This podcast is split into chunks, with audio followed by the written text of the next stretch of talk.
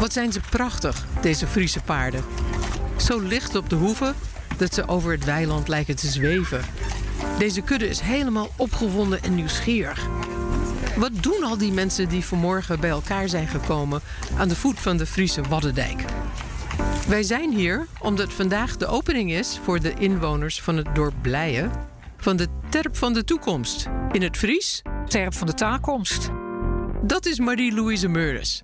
Zij komt niet uit Friesland, maar intussen spreekt ze het wel een beetje. Je hoort straks meer van haar. Maar, eh, toekomst? Terpen zijn toch juist heel oud? De oudste manier om in Nederland aan het water te ontsnappen. Maar wat blijkt? De nederige terp, technologie van het allereerste uur, is opnieuw actueel. Er worden nieuwe terpen gemaakt. In deze aflevering van Nattigheid gaan we kijken naar het verleden, het heden en ja, ook de toekomst. Je luistert naar Nattigheid, opbeurende verhalen over ons water. Nattigheid is een programma van mezelf, Tracy Metz, en wordt mogelijk gemaakt door Ons Water. Een samenwerking van het ministerie van Infrastructuur en Waterstaat met alle provincies, gemeenten, waterschappen en drinkwaterbedrijven. Neem een kijkje op hun website onswater.nl. Dit is aflevering 4. Terp van de Taakomst. Wat is een terp eigenlijk? Nou, gewoon een grote hoop aarde. Een bult in het vlakke landschap. Waar mensen, toen er nog geen dijken waren, op gingen wonen om droge voeten te houden. Deze oer-Nederlanders moesten wel met hun dorpen de hoogte in, want dit gebied stond regelmatig onder water van de Waddenzee. Je moet je voorstellen, in het westen was natuurlijk het achter die gesloten duinenrij. Dat zijn lage gebieden die toen moeras waren. En doordat hier een, ja, laat ik zeggen, die kwelders zijn ontstaan achter de, de Waddeneilanden, ontstond een heel ander gebied waarop, waar te wonen was. Dus daarom was omstreeks 100 jaar na Christus was dit het dichtstbevolkte gebied van Nederland. Noord-Nederland als het dichtstbevolkte deel van Nederland? Dat was nieuw voor mij. Dit is Klaas-Jan Doornbos, boer en waterschapsbestuurder en een ware terp-nerd. Ik bedoel het als compliment, want deze man weet er werkelijk alles van. Hij is nu vrijwilliger in het Wierde Museum in het Groningse dorp Ezingen.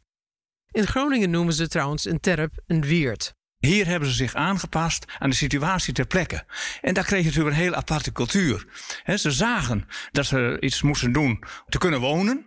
Daarvoor gingen ze dus op de hoog, nu van nature hoogste plekken, gingen ze nog wat meer uh, aarde opwerpen om te kunnen blijven wonen. Weet je wat ik me altijd heb afgevraagd over Nederland? Moet het zo moeilijk zijn geweest om hier te wonen? Waarom wilden mensen in hemelsnaam in Nederland blijven wonen met al dat water? Kijk, ze kwamen van droge gronden. Mensen, voor zover wij weten, kwamen ze van Drenthe, Noord-Holland, maar vanaf de zandgronden. Maar dat maakt het alleen maar gekker. Nee, alleen daar, om een bestaan te hebben, moesten ze voortdurend opschuiven. Want als ze een bestaan hebben, dan gingen ze gewassen verbouwen. Die grond werd uitgeput. En daar schoven ze weer op. Maar wat hier nu het unieke is, dat de grond werd steeds aangevuld met rijke mineralen vanuit de zee en vanuit de rivieren. Dus voortdurend hadden ze een nieuwe, een nieuwe voedingsbodem voor hun gewassen. En daardoor konden ze hier dus echt gewoon, ja, gewoon wonen. Niet alleen mensen woonden op terpen, maar ook hun dieren. Er zijn zelfs skeletten van paarden gevonden bij archeologische opgravingen van terpen. Nou, tot 500 denken we ongeveer dat de mensen inderdaad de, de skeletjes of de lijken buiten werden gelegd en dan ontvleesd door de, door de vogels en, en andere dieren. Maar daarna werden ze ook begraven en of verbrand. We hebben dus grafvelden gevonden. Alleen deze, die hier ligt, die komt uit een grafveld. Daar ligt inderdaad een skelet van een man. En met twee paarden en een hondje. En we kunnen moeilijk nagaan wat nu de betekenis daarvan is. we weten dat het er lag.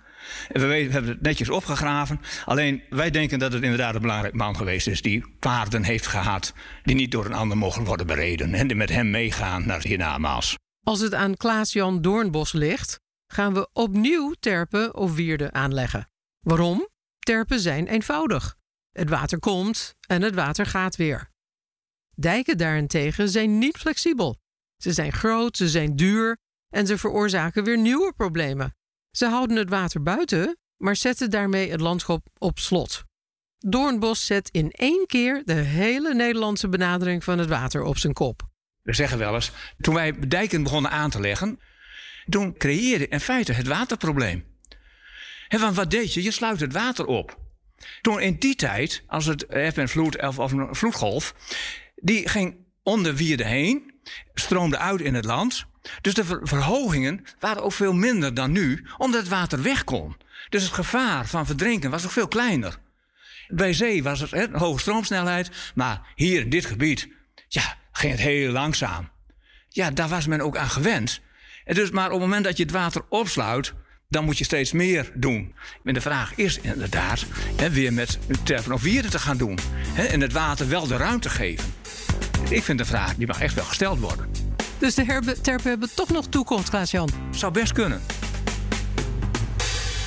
Inmiddels zijn er maar weinige van de oude terpen over. Ze zijn afgegraven.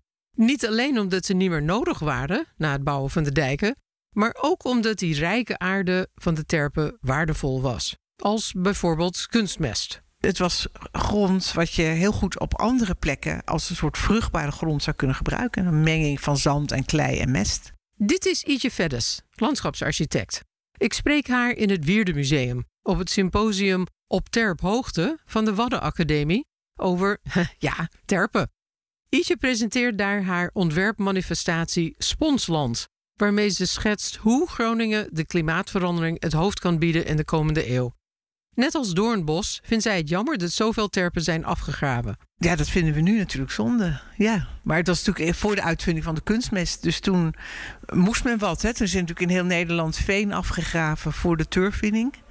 Uh, en uh, ja, de vruchtbare klei gebruikt om op andere plekken eh, landbouw te kunnen bedrijven. En toen wisten we niet dat we ooit zouden zeggen: Oh, dit is een vormend element voor de geschiedenis van ons landschap geweest.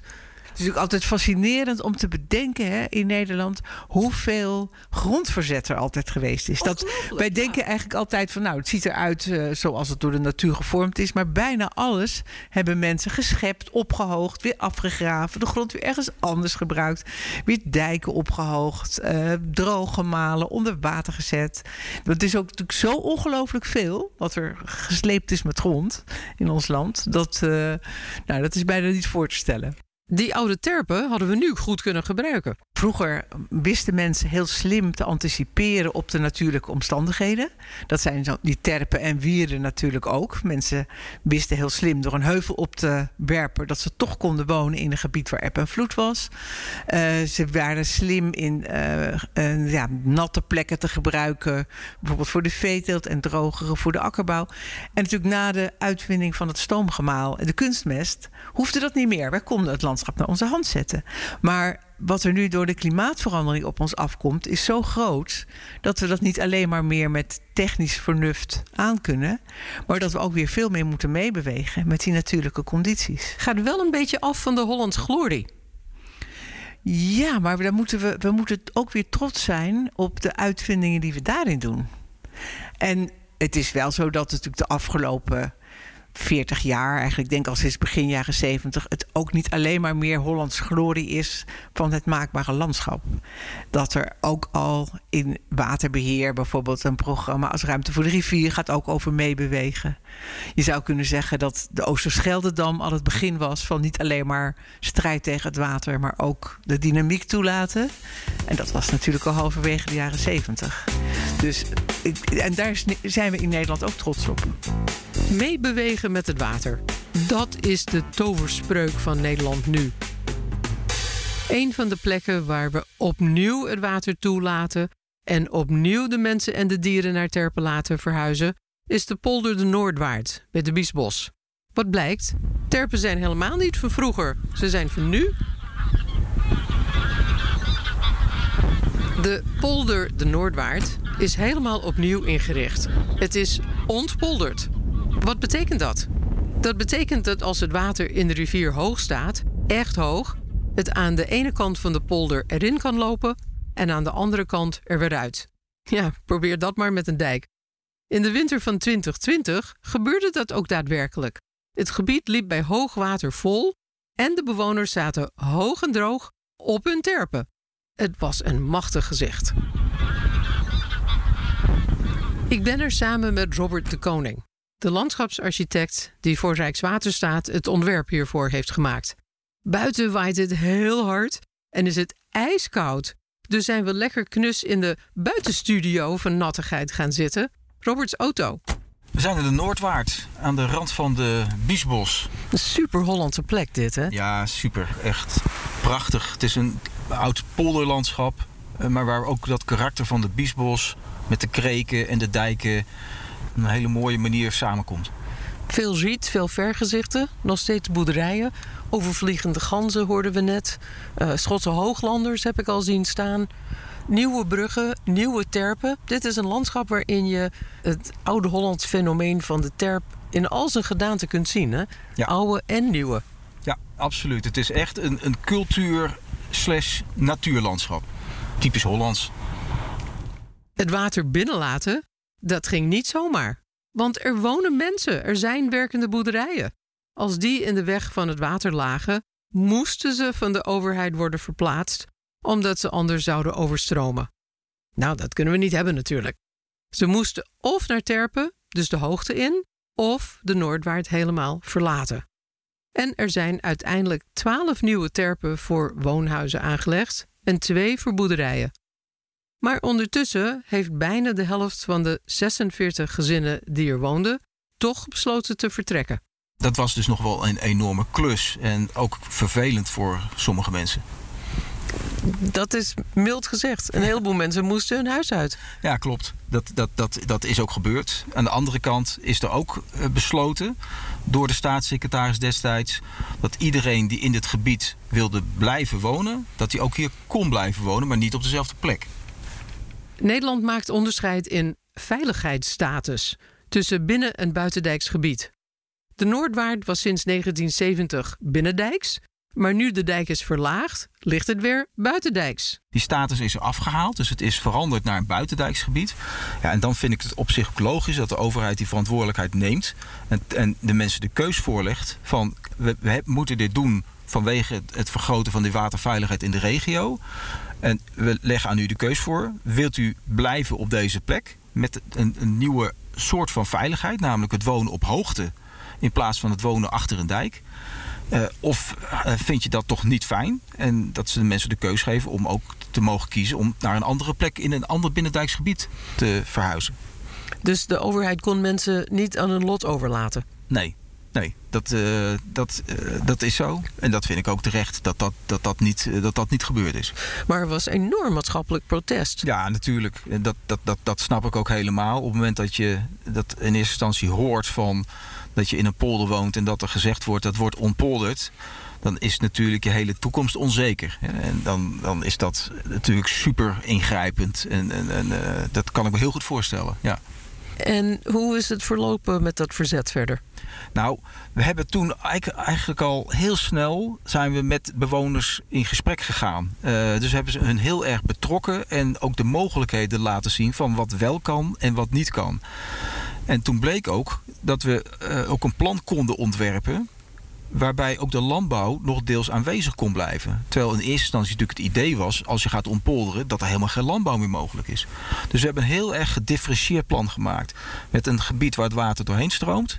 Wat dus een, een hoofdzaak een natuurkarakter heeft. Maar waar ook beweiding plaatsvindt in de zomermaanden. Dus de En- koeien in de wei. Ja, daar staan koeien ook in de, in de wei.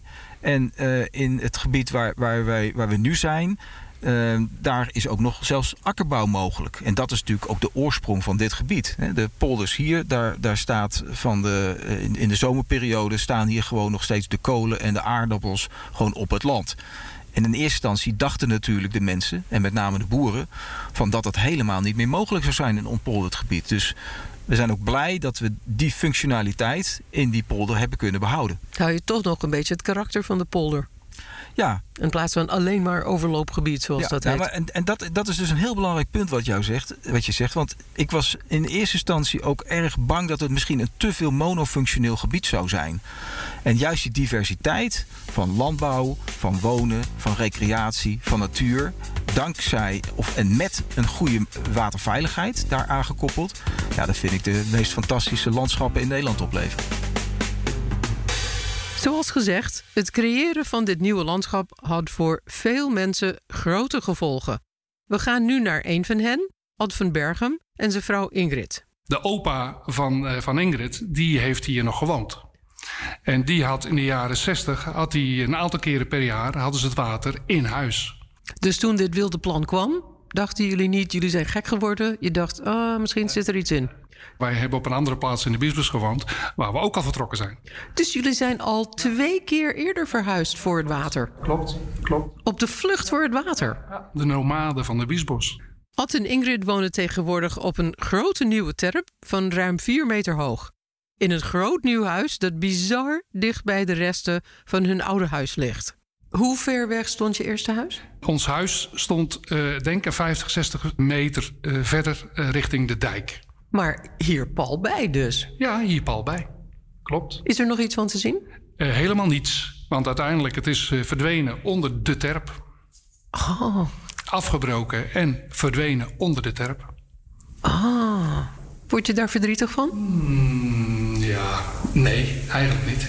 Want uiteindelijk, het is ook een kwestie van accepteren dat zoiets gebeurt. En anders is het, uh, het alternatief is vertrekken. Zijn Ad en Ingrid nu klaar met verhuizen? Robert is ook benieuwd hoe zij erover denken. Ik, ik ben wel nieuwsgierig, uh, Ad, hoe jij er tegenaan kijkt uh, als die zeespiegel gaat stijgen. Stel je voor dat die nou een, een meter gaat stijgen ja. hier. Ik denk dat, het, dat wij het niet meer meemaken, maar je weet het niet. Er wordt nu gesproken over een centimeter, twee centimeter maximaal per jaar. Gezien mijn leeftijd maak ik het niet meer mee. Maar deze plek zal inderdaad toch weer uh, onder de loep gelegd moeten worden. Maar uh, we zitten hier natuurlijk op een nieuwe terp. En die is natuurlijk inderdaad ruim hoger dan, dan dat maatgevend hoogwater. Dus ik denk dat dit er na 100 jaar nog zeker gewoon zal staan en gebruikt zou kunnen worden. En hier kan je natuurlijk ook gewoon aan de rand een keer een ringkade opleggen. Klopt. Daar hebben we ook in het ontwerp ruimte voor uh, gereserveerd. Dus die terpen zijn allemaal zo breed gemaakt dat er altijd nog een lage kade van ongeveer een halve meter hoog omheen gelegd zou worden. Waarbij je, nou ja, misschien nog wel 50 of 100 jaar nog, nog verder vooruit kan. Afhankelijk van de ontwikkelingen rond het klimaat en de zeespiegelstijging. Uh, Wat ik zo mooi vind aan de Noordwaard, en wel meer plekken in Nederland nu, is dat we onszelf gaan beschermen tegen meer water door het water meer toe te laten.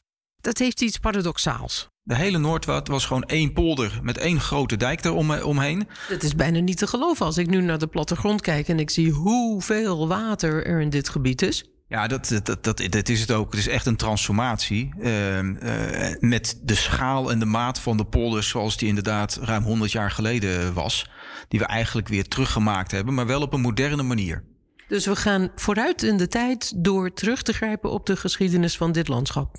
Ja, dat, zo zeg je dat heel goed. En dat is volgens mij ook een heel belangrijk iets om, om bij landschapsontwerpen sowieso rekening mee te houden. Je moet altijd even terugkijken naar de geschiedenis om een scherpe blik op de toekomst te kunnen hebben. De blik op de toekomst waar Robert de Koning het over heeft, zie je aan de Friese Waddenkust, bij het dorp Blijen. Daar heeft kunstenaarscollectief Observatorium de terp van de toekomst aangelegd. De terp van de taakomst. Excuse my Fries. Voor alle duidelijkheid, deze terp is er niet voor de waterveiligheid. Daar hebben we natuurlijk tegenwoordig de Waddendijk voor. De imposante, ongenaakbare scheiding tussen land en water. Die biedt veiligheid, maar snijdt het achterland af van zijn omgeving. De terp van de toekomst biedt een plek voorbij die scheiding, waar je weer de verbinding ervaart tussen land en water. Dit is dus een symbolische terp. Het heeft de vorm van een slakkenhuis, dat 6 meter de hoogte inslingert. Je loopt omhoog tussen rijen dukdalven. Bij vloed steken die palen boven het water uit. We lopen nu met het hele dorp Blijen in optocht naar de terp in aanbouw. Er is ook een uh, paard en wagen voor mensen die minder goed te been zijn. Misschien is dat ooit in de toekomst een elektrisch karretje. Links is een hele kudde prachtige paarden, allemaal heel opgewonden, nieuwsgierig, die ons begeleiden. Boven ons hoofd een vlug spreeuwen. We hadden ons geen beter weer kunnen wensen. Gisteravond was het stromende regen, aarde donker. Dit is een van de donkerste plekken van Nederland. En helemaal gisteravond geen maan, slecht weer, geen beleiding op de weg. Was wel echt in het buitengebied hoor. Op de achtergrond hoor je de boormachines die een aantal dorpelingen hebben meegenomen. De initiatiefnemers hebben namelijk ronde metalen plaatjes laten maken met de namen erop van alle dorpelingen. Die worden nu met schroeven vastgemaakt aan paaltjes die rondom de terp zijn geplaatst. Ik heb er ook een gekregen. Dat vind ik heel leuk. Net zoiets als de gehaktbal van de Hoogwaterbrigade uit aflevering 1.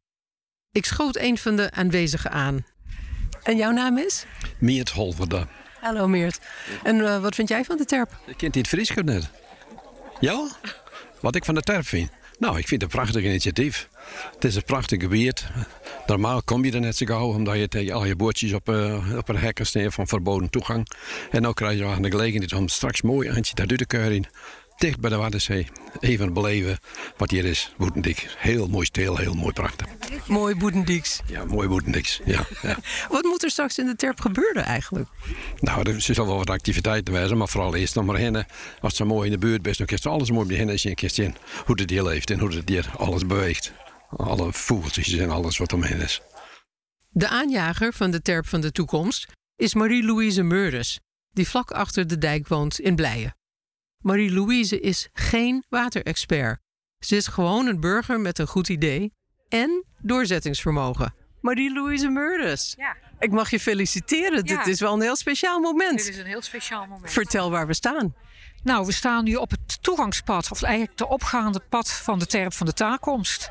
En de terp is nog niet helemaal klaar, maar we nemen hem gewoon maar vast in gebruik. Dit idee bestaat al sinds 2013. Nou, 2011. Toen heeft het dorp gezegd: we willen weer een verbinding met het wat hebben.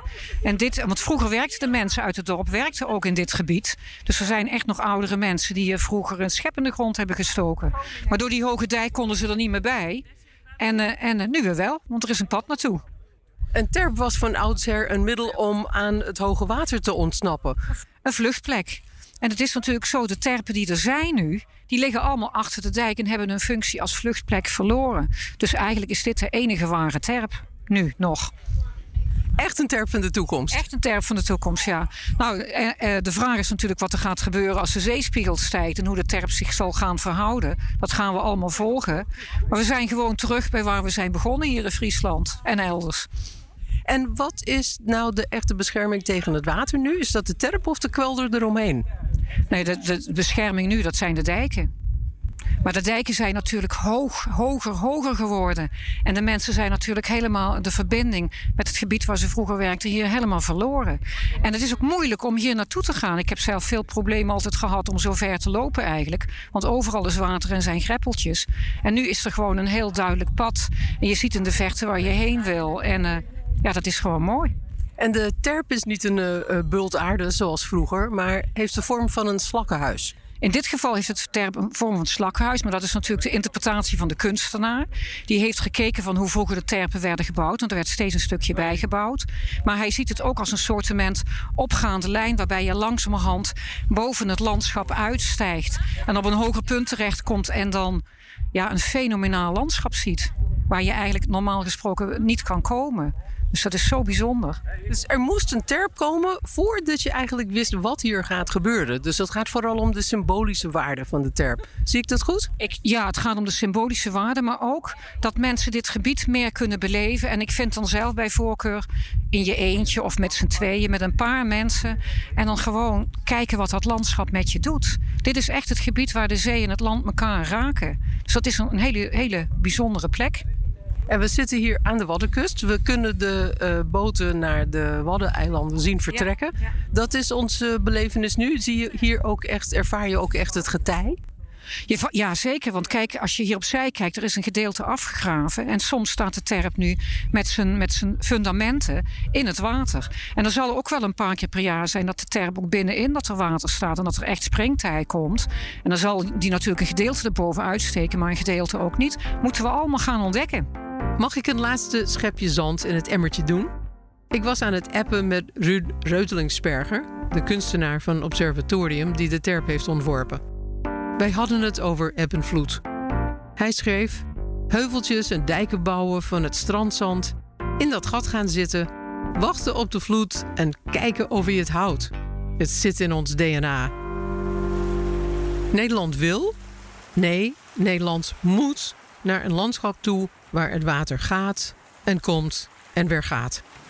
Dat was 500 na Christus al het geval, zoals Doornbos zei. En dat hebben ze weer in de Noordwaarts proberen te bereiken. En nu in Friesland willen we opnieuw de ontmoeting tussen land en water beleven. Nu ik in Ezingen en de Noordwaarts en Blijen ben geweest, weet ik het zeker. Als we hier willen blijven wonen, moeten we het water niet meer buitensluiten, maar binnenlaten. Je luisterde naar de vierde aflevering van de podcast Nattigheid. Een podcast van mij, Tracy Metz. Deze opbeurende verhalen over ons water worden mogelijk gemaakt door Ons Water. Neem een kijkje op hun website, onswater.nl. Onze producer is Jonathan Grubert. Wesley Schouwenaars is onze technicus. Wil je meer weten? Kijk op nattigheid.nl. Daar vind je meer over de mensen en de plekken in deze episode. Zoals mooie foto's van de markante terp van Ezingen in het noorden van Nederland. En ook meer over de ontwerpmanifestatie Sponsland. Je vindt er ook beelden van de terp van de taakkomst. En je doet me een groot plezier als je een recensie achterlaat op je favoriete podcast-app. Over twee weken verschijnt de volgende aflevering van Nattigheid. Leven op het water. Over drijvend bouwen en wonen. Met onder andere de enige drijvende boerderij van Europa, de Floating Farm, in de haven van Rotterdam. En een gesprek met hoogleraar Jan Rotmans over het waterige landschap, heel erg waterige landschap van West-Nederland in het jaar 2121. Tot dan!